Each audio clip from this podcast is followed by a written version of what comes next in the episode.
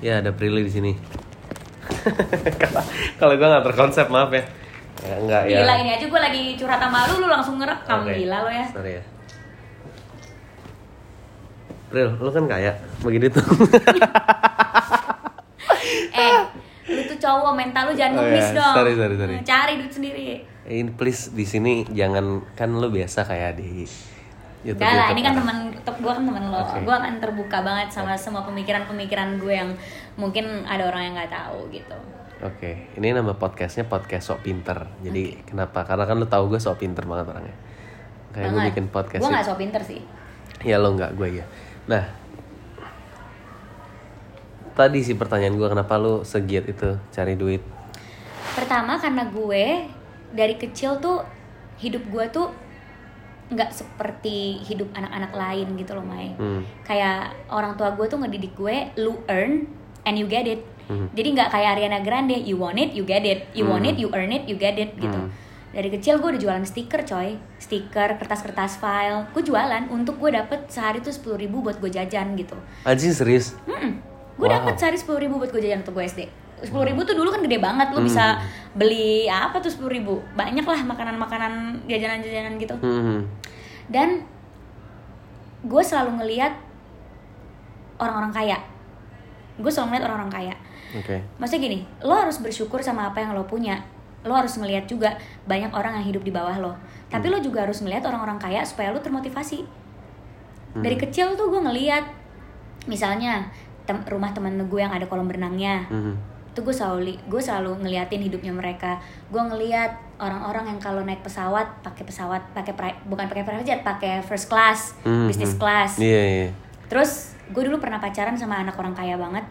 Gue ngeliat hidupnya gitu. Hmm. beli tas branded pergi ke mana-mana nggak takut duitnya habis liburan ke mana-mana. Dan gue mau jadi kayak gitu. Gue mau jadi kayak gitu. Gue pengen punya hidup kayak gitu. Kenapa? Satu gue mau ngangkat derajat keluarga gue Hmm. gue mau ngangkat derajat keluarga gue dua gue pengen bapak sama mama gue merasakan hidup kayak gitu juga gue pengen bokap nyokap gue ngerasain hidup kayak gitu Hmm. Tiga, gue yakin gue mampu. Makanya gue giat. Gue giat untuk gue cari duit gitu. Awalnya kan gue nggak pengen jadi artis kan. Hmm. Gue pengen jadi dokter atau guru. Tapi gue, I want to have a normal life, of course. Iya. Tapi bukan berarti gue pengen, bukan berarti gue pengen punya normal life. Gue pengen punya hidup yang biasa-biasa aja. Hmm. I want to have a normal life yang nggak disorot sama siapa-siapa. Tapi gue pengen punya duit. Oke. Basicnya itu, gue pengen punya duit, gue pengen hidup enak. Eh, pertanyaannya, lu seneng nggak sama spotlight yang lu dapet?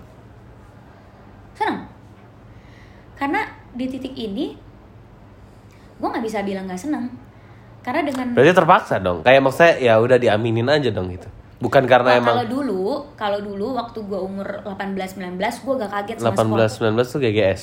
ya gue gak kaget sama spotlight yang gue terima karena cita-cita gue masih menjadi dokter dan guru pada saat itu Hmm. kalau gue nggak gue kan udah terlanjur ngambil IPS tapi gue masih bisa ambil food technology katanya kalau food Hmm. technology bisa IPS kan Hmm.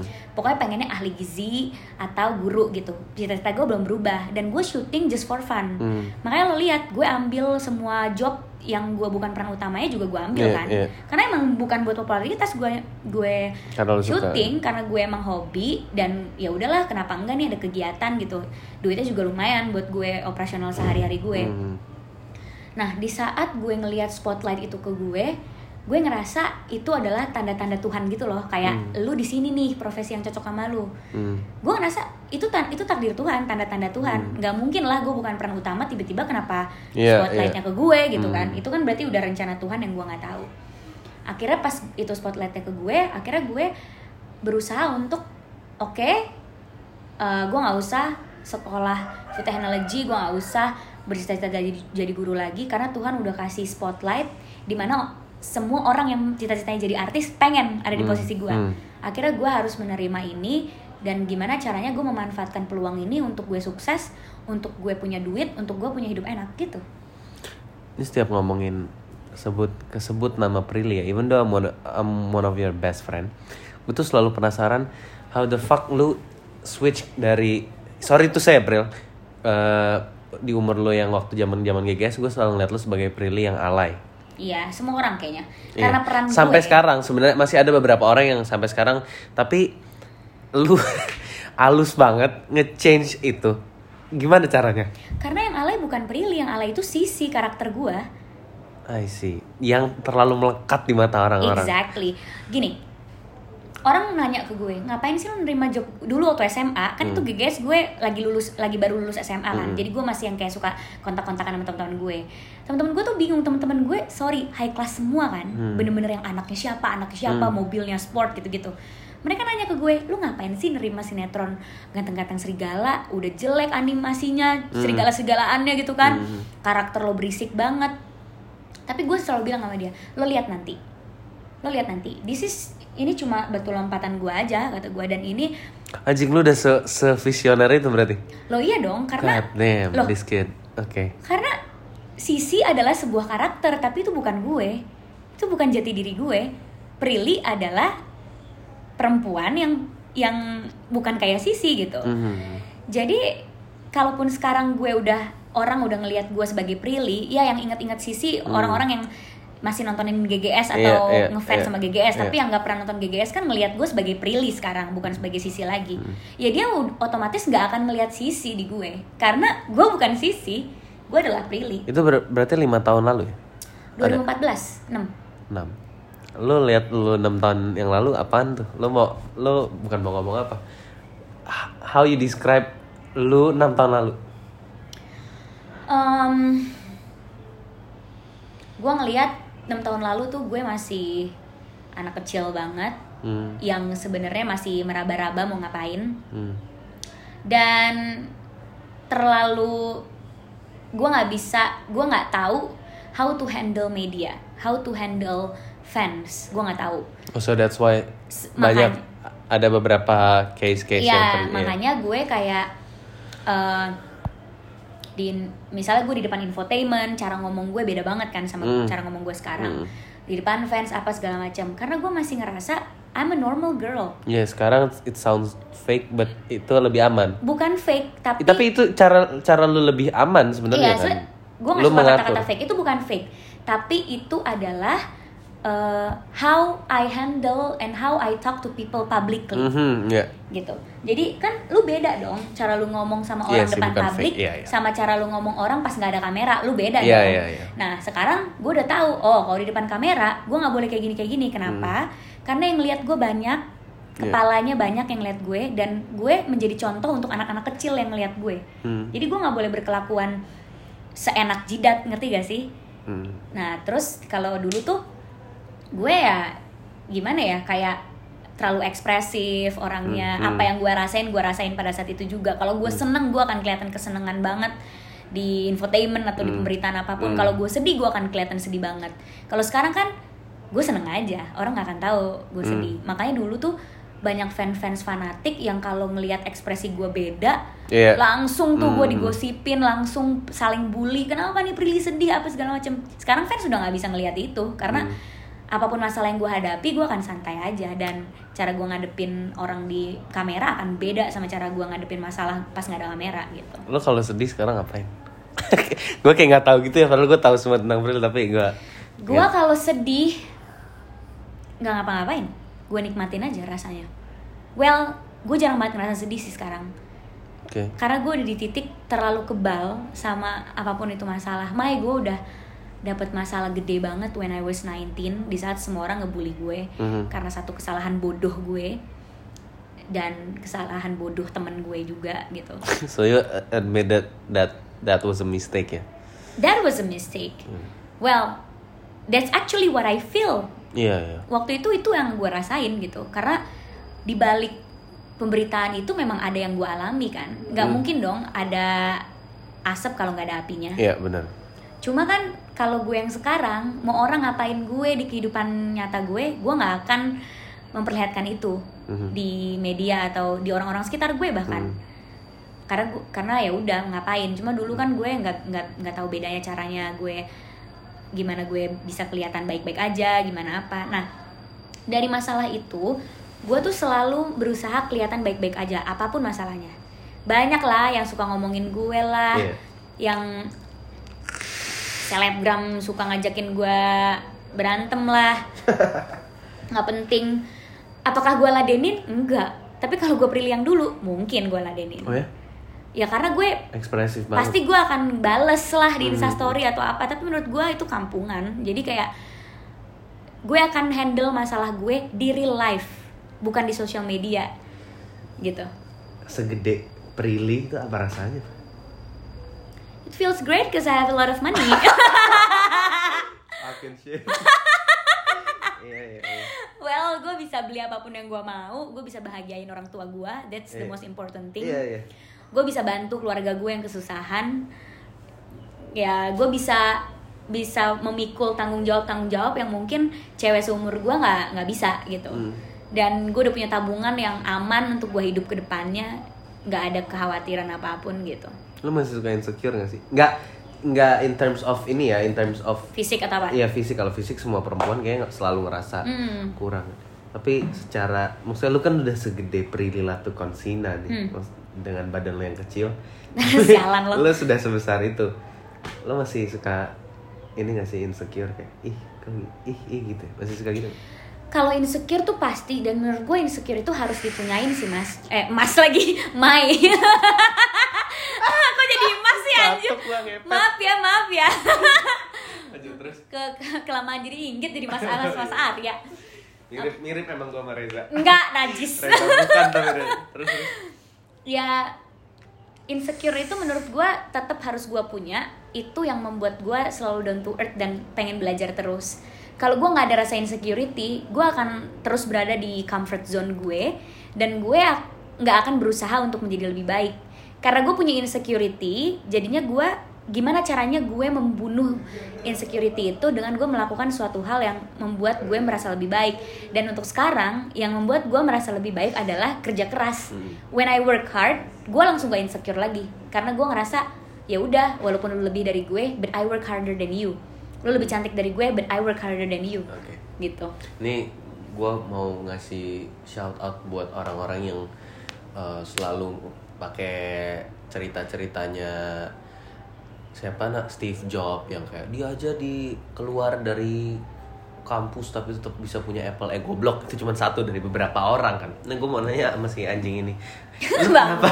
lu kenapa tetap kuliah? Gitu loh maksudnya saat lu udah segede ini gitu. Itu diomongin sama semua orang kayak Pri lo udah kaya lo kaya bukan dari tapi di kuliah. interview ditanyain nggak? Sering tanyain tapi gue jawabnya kan gak sesantai ini. Oh, iya, iya. kayak Pri lo udah kaya lu nyari duit lu bangun rumah bukan dari lo kuliah tapi gara-gara lu emang otodidak bekerja di dunia entertainment Oh, pertanyaan berarti sorry sorry pertanyaannya bukan kenapa lu kuliah, kenapa lu ambis itu? Oke, tetap gue akan jawab kenapa gue kuliah karena gini, gue nggak mungkin hidup di ruang lingkup entertainment doang. Nah dengan gue kuliah itu gue membuka pintu-pintu baru, gue bisa ketemu sama teman-teman gue. You never know what's gonna happen with a person loh. Iya. Gue ketemu sama teman-teman gue kuliah sekarang. Dia mungkin sekarang masih jadi mahasiswa-mahasiswa biasa yang ya udah. Tapi belum, tapi nanti di, di saat mereka lulus kuliah, mereka bisa jadi pengusaha, mereka bisa Iya. jadi orang hebat dan itu sama aja gue membuka networking, membuka relasi gue terhadap orang-orang di luar entertainment industry dong. Iya. Akhirnya gue pengen ngebuka pintu baru supaya gue juga punya ruang lingkup baru selain entertainment industry. Dan menurut gue kuliah itu membuat gue lebih disiplin soal waktu.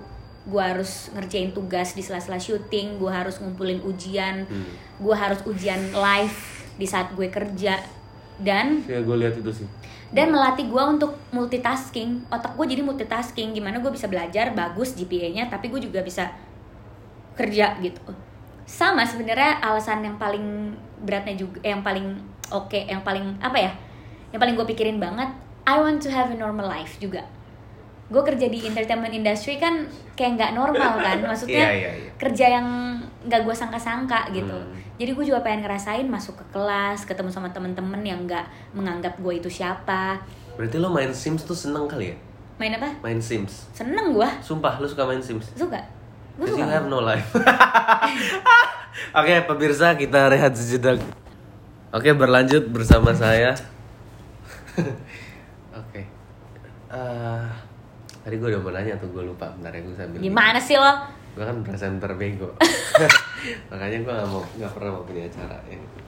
Eh, oke kita bahas berkesenian ah gue penasaran lo produser iya bagi mulai artis iya aktor iya nyanyi iya apa sih maksudnya amount ngomongin amount of money lu udah banyak banget nyet kenapa lu always looking for it gitu loh kayak Loh, duit itu akan habis, Mai. anjing Lah, terus mentang-mentang lo punya duit banyak, lo nggak akan ngapa-ngapain gitu di hidup lo. Kan nggak gitu. Tahu gak sih kadang-kadang tuh ya itu kan hal simpel sebenarnya Uh. cuma orang tuh suka lupa orang tuh suka lupa sama hal-hal simpel karena udah terlalu Iya, kayak lu udah kaya ngapain lu kerja keras lah. Emangnya duit gue nggak akan dipakai? Emangnya duit gue bakalan disimpan di bank doang? Kan enggak. Duit tuh harus muter, coy. Uang yang bekerja buat lu, jangan lu yang bekerja buat uang. Iya dong. iya, iya. Karena lu mau sampai kapan bekerja buat uang? Gimana caranya lu puterin duitnya supaya lu kaya terus? Nggak ada orang yang miskin, nggak ada orang yang mau bangkrut. Nah, jadi gue terus kerja. Gimana caranya gue puterin duit gue? Gue bikin bisnis. Gimana caranya gue bisa ada terus? Gini loh, gue emang punya income di bisnis. Hmm, Orang bisa percaya sama produk gue karena I put my name on it. hmm. Karena gue sekarang dikenal sama banyak orang. Nah, how to maintain that? Ya tetap berkarya. Orang tetap tahu si- generasi-generasi berikutnya harus tetap tahu siapa gue. Jadi kalaupun gue berbisnis, nggak us walaupun gue nggak taruh nama gue di produk gue, at least klien gue percaya, investor gue percaya, partner-partner bisnis gue percaya, gitu loh. Karena bisnis itu kan harus trust. Jadi ya gue tetap berkarya terus lah. Tapi duit nomor berapa? Ah, nom- nomor satu. Ya nomor satu keluarga, Hmm. dua duit. Karena ya lu nggak bisa hidup tanpa duit. Hmm. mau gimana? Money cannot buy happiness. That's true. But we can buy something yang bisa menjadi happiness kita gitu. Iya. gua beli ru- gua beli rumah gua bikinin kamar bokap nyokap gue yang bagus adik gue yang bagus ngeliat mereka happy gue happy. Iya. gue bisa beli apa pun yang gue mau gue happy gila lu umur berapa? Beli Lima. rumah beli rumah umur berapa? Eh dua tiga ya berarti. Gue tuh ya even though gue temen lu tapi gue tuh selalu kayak ngeliat Prilly gitu, kayak anjingnya anak ini nih gila ya anak anak ini kuat baja gitu loh. Harus dong Mai. Ntar gue masih bingung gue mau nanya apa lagi. Merit. oh boleh boleh. Gue gue lebih senang lo kapan mau merit nggak tahu tidak ada rencana tidak eh, dipatokin umur berapa karena bokap nyokap gue sangat open minded gue nggak apa-apa nikah umur berapapun gue mau Hmm. Berarti kalau pemikirannya kayak gitu berarti mau ya kita berharap lu punya lu bisa berkembang biak dengan baik gitu. Tapi berarti kalau misalkan lu tidak punya anak sekalipun ya lu ya apa-apa. Gue nggak boleh menggantungkan happiness gue dengan gue harus punya anak atau enggak dong karena kalau gue mau nikah sama orang bukan karena gue pengen punya keturunan karena gue emang pengen menghabiskan waktu gue masa tua gue sama orang itu nggak punya anak nggak masalah gitu Iya. kan nggak diwajibin juga kita harus punya anak emang kalau nggak punya anak kita masuk penjara kan nggak Iya. bener. dan nggak boleh lah kalau nggak punya anak terus murung apa yang ngapain hidup hidup kita Lu mikir begini sejak kapan sih? Sejak gue Nggak, karena karena kan setiap orang kan punya lompatan kehidupannya Oh, iya, iya, soal iya. pikiran. Lu mulai kapan? I think around 20-an lah umur 20-an gue udah mulai mikir gini karena di belasan tahun um, I had relationship with ya someone dan gue pacaran lama terus gagal itu ngebuat gue berubah banget ngebuat gue melihat segala sesuatunya tuh sangat beda dan di saat gue punya duit sih di saat gue punya duit karena gini Mai lebih susah cewek yang kaya daripada cowok yang kaya Iya. karena kalau cowok yang kaya ya memang I cowok think it's it's a must gak sih? I- I Kayak, think it's a must gitu nggak harus kaya deh mapan iya, iya. Oke, gue rubah kata-kata gue. Lebih susah cewek yang mapan daripada cowok yang mapan. Karena kalau cowok mapan, memang cowok harus mapan. Karena dia harus menjadi kepala keluarga. Dia harus ngehidupin istrinya, dia harus ngehidupin anak-anaknya. Hmm. Tapi kalau cewek yang mapan, itu susah. Karena cewek yang mapan ini harus menyelamatkan ego laki-laki di mana laki-laki yang harus mapan ngerti gak Ya, makanya kadang gue suka kesel ya sama cowok-cowok yang kayak Patriarki. ya kalau- bukan patriarki aja kayak yang ya terserah kalau gue gak punya duit ya lo berarti cinta gue sama duit ya nggak kayak gitu dong cara berpikirnya Iya, nggak- nggak kayak kayak gitu.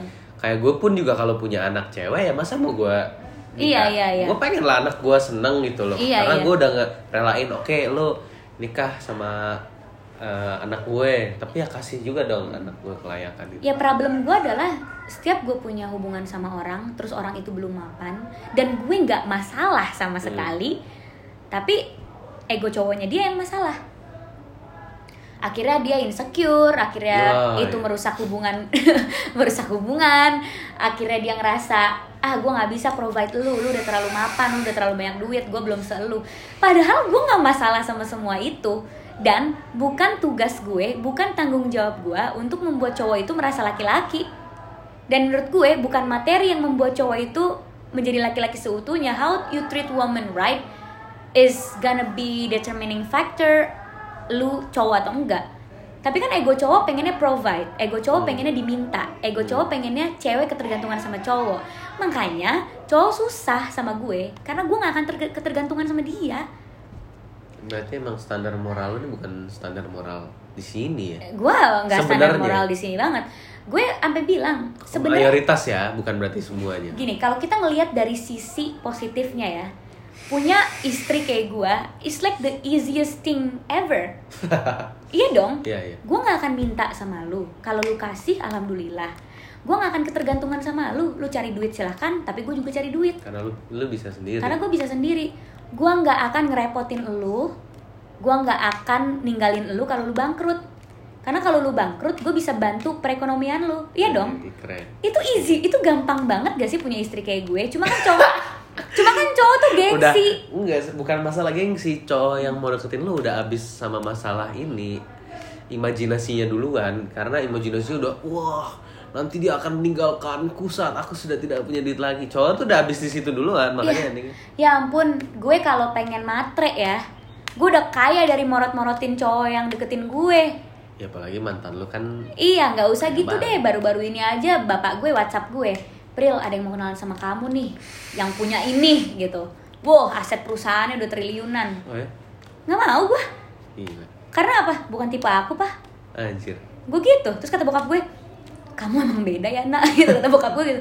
Ya sekarang bukan tipe gue masa gue harus paksain gara-gara dia ada lanjutannya. Kamu emang beda ya nak. Karena kalau papa papa sih mau. Canda om. Canda om Rizal.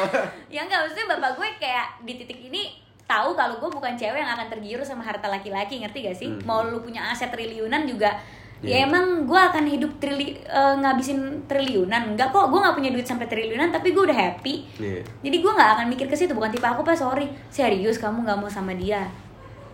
Iya, nggak berasa. Eh, terus terus. serius kamu nggak mau sama dia. Serius nggak mau orang bukan tipe aku. Jadi ya udah nggak jadi. Maksudnya kalau gue materi gue udah porotin semua pengusaha-pengusaha itu. Hmm. kan enggak malah gue selalu deket sama orang yang nggak iya nggak mapan kayak gitu. Ayo. Iya iya dan gue akan Anjing, memberikan keren. kesempatan untuk cowok-cowok itu yuk mapan yuk gue motivasi lu nih ayo mapan bisa. Karena nyaman duluan yang dicari. Iya karena tipe gue itu Iya. cowok gitu. Oke kita bahas MLMH. My lecture my husband. Seneng gak lo sama hasilnya? Seneng. Seneng banget. Eh well ada beberapa yang well itu skripnya sangat buru-buru banget. Mhm. karena kan kita tuh syuting pas pandemi kan. Itu gak sih problematik semua? Kayak hampir semua Project. produksi di Indonesia tuh ini terburu-buru ini terburu-buru. Iya skripnya terburu-buru banget harus gue akuin karena kita juga syutingnya dadakan banget. Karena My Lecture My Husband kan harusnya jadi film. Oh serius? Iya, itu film. Gue udah dapet skrip filmnya. Emang itu project buat gue. Anjing sedih dong lo itu jadinya nggak apa apa-apa gue gue seneng gitu jadi Oh. series. Karena menurut gue emang cerita My Actual My Husband cocoknya jadi series. Bukunya tebel banget cuy kalau jadi film nggak cukup durasi. Iya. Tapi karena yang ngedirect one and only Monty Tiwa Mhm. mau skrip terburu-buru apa pun bisa jadi bagus. Dan lo harus tahu itu kebanyakan adegan improvisasi, improvisasi semua. Tau lah kan gua setelah Iya. magang nggak jelas itu. Impro- improvisasi semua. Tapi so far gue suka banget sama hasilnya.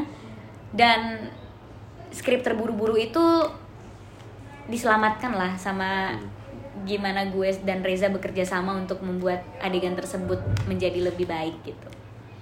Eh, kalau sekarang dalam lu memilih syuting yang lu kalau misalnya lu cuma dapat dua pilihan nih lu bisa pilih hasil yang bagus banget tapi syutingnya boring banget terus gak asik banget. Sama satu lagi hasilnya ya oke lah tapi selama momen selama syutingnya tuh lu sangat menyenangkan. Lu pilih mana? Gue pilih yang hasilnya ya oke lah tapi momennya menyenangkan. So Kenapa? because gue pengen happy. Oh, sih. Sit, sit, man.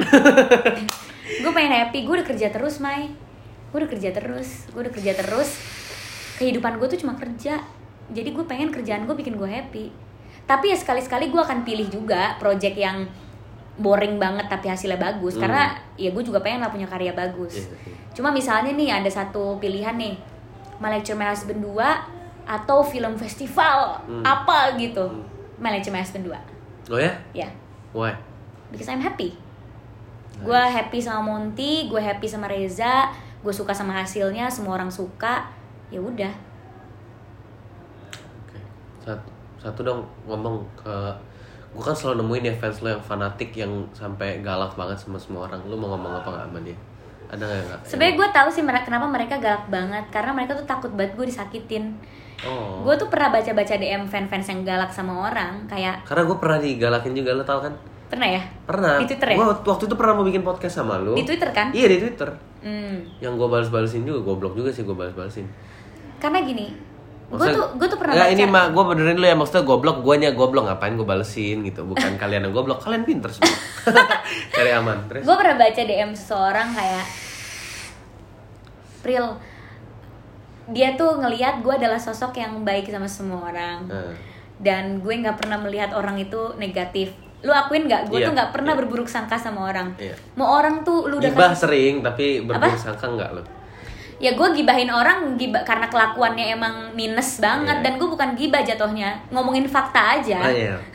Terus apa tapi gue nggak pernah berburuk sangka kayak orang itu akan jahat sama gue sedangkan kita tuh sebagai manusia harus punya mental polisi ngerti gak curiga. Makanya Libra gampang dibegoin. Exactly emak gua. Eh, apa namanya? Bapak gue tuh ngomong kamu tuh harus curiga sama orang harus ada sedikit pikiran negatif jangan positif. Semua akhirnya gue sering disakitin akhirnya gue sering dijahatin sama orang dimanfaatin sama orang dan gue sadar gue digituin sama orang tapi gue tetap maafin tetap yang kayak ya udahlah mungkin mereka punya alasan gitu gitu nah fans gue ini gregetan ngeliat gue kayak gitu. Hmm. karena takut gue tuh disakitin sama orang takut gue dijahatin sama orang yang bisa ngebuat karir gue hancur atau apa. Kan you know shit happens kan di industri di industri ini. Akhirnya mereka merasa harus memprotek gue Ah. si fans-fans ini fans-fans yang fanatik ini merasa harus memprotek gue dan gue bersyukur ada mereka. Karena kalau nggak ada mere- mereka tuh polisinya gue. Berarti even though sometimes mungkin ya ini yang gue tangkap mungkin lo jengah kadang Hmm. kayak lo kapain sih segitu ya? Tapi lo thankful banget berarti ya di ada- thankful banget lah ada satpamnya. Karena gue tuh tipe yang karena gue nggak pernah berpikiran negatif sama orang gue nggak pernah ngerem kalau gue temenan atau gue nggak pernah ngerem kalau gue baik sama orang. Kadang kebaikan gitu kan. Nah si fans fans gue ini yang kadang suka ngingetin gue pernah syuting sama satu orang. Gue baik sama dia bercanda sama dia. Tiba-tiba DM gue rame Pril orang itu pernah ngejelek-jelekin kamu. Kok kamu baik sih sama dia? Gue nggak tahu tuh orang pernah ngejelek-jelekin gue. Fans gue tahu. Terus gue kayak hah? Ngejelek-jelekin aku di mana? Pernah ngejelek-jelekin kamu di Snapchat? Ya mana gue tahu dia ngejelek-jelekin gue di Snapchat. Gue juga jarang buka Snapchat. Terus akhirnya fans gue ngasih tahu kronologinya nyeritain gimana tuh orang ngejelek-jelekin gue dan gue nggak masalah karena oh ya udah mungkin pada saat itu dia emang lagi ngomongin gue aja kali nggak sengaja atau apa sampai orangnya nelfon gue minta maaf gara-gara dia sempet di DM DMin juga sama fans-fans gue. Ngapain lo foto sama Prilly? Lo juga ngejelek-jelekin Prilly dulu bla bla bla bla bla bla. Terus orangnya minta maaf maafin aku ya Pril. Aku tuh dulu bukan nggak bermaksud ngejelek-jelekin kamu tapi emang Hmm. aku sempet ngomong gini gini gini. Dan gue yang kayak ya ampun gak masalah sama sekali itu kan udah lewat. Gue yang kayak gitu Oke lah, penutupnya jadilah sahabat Prilly karena saat lu sudah sahabat Prilly, lu punya polisi-polisi yang gak lu bayar. Pakai masker anjing, bye.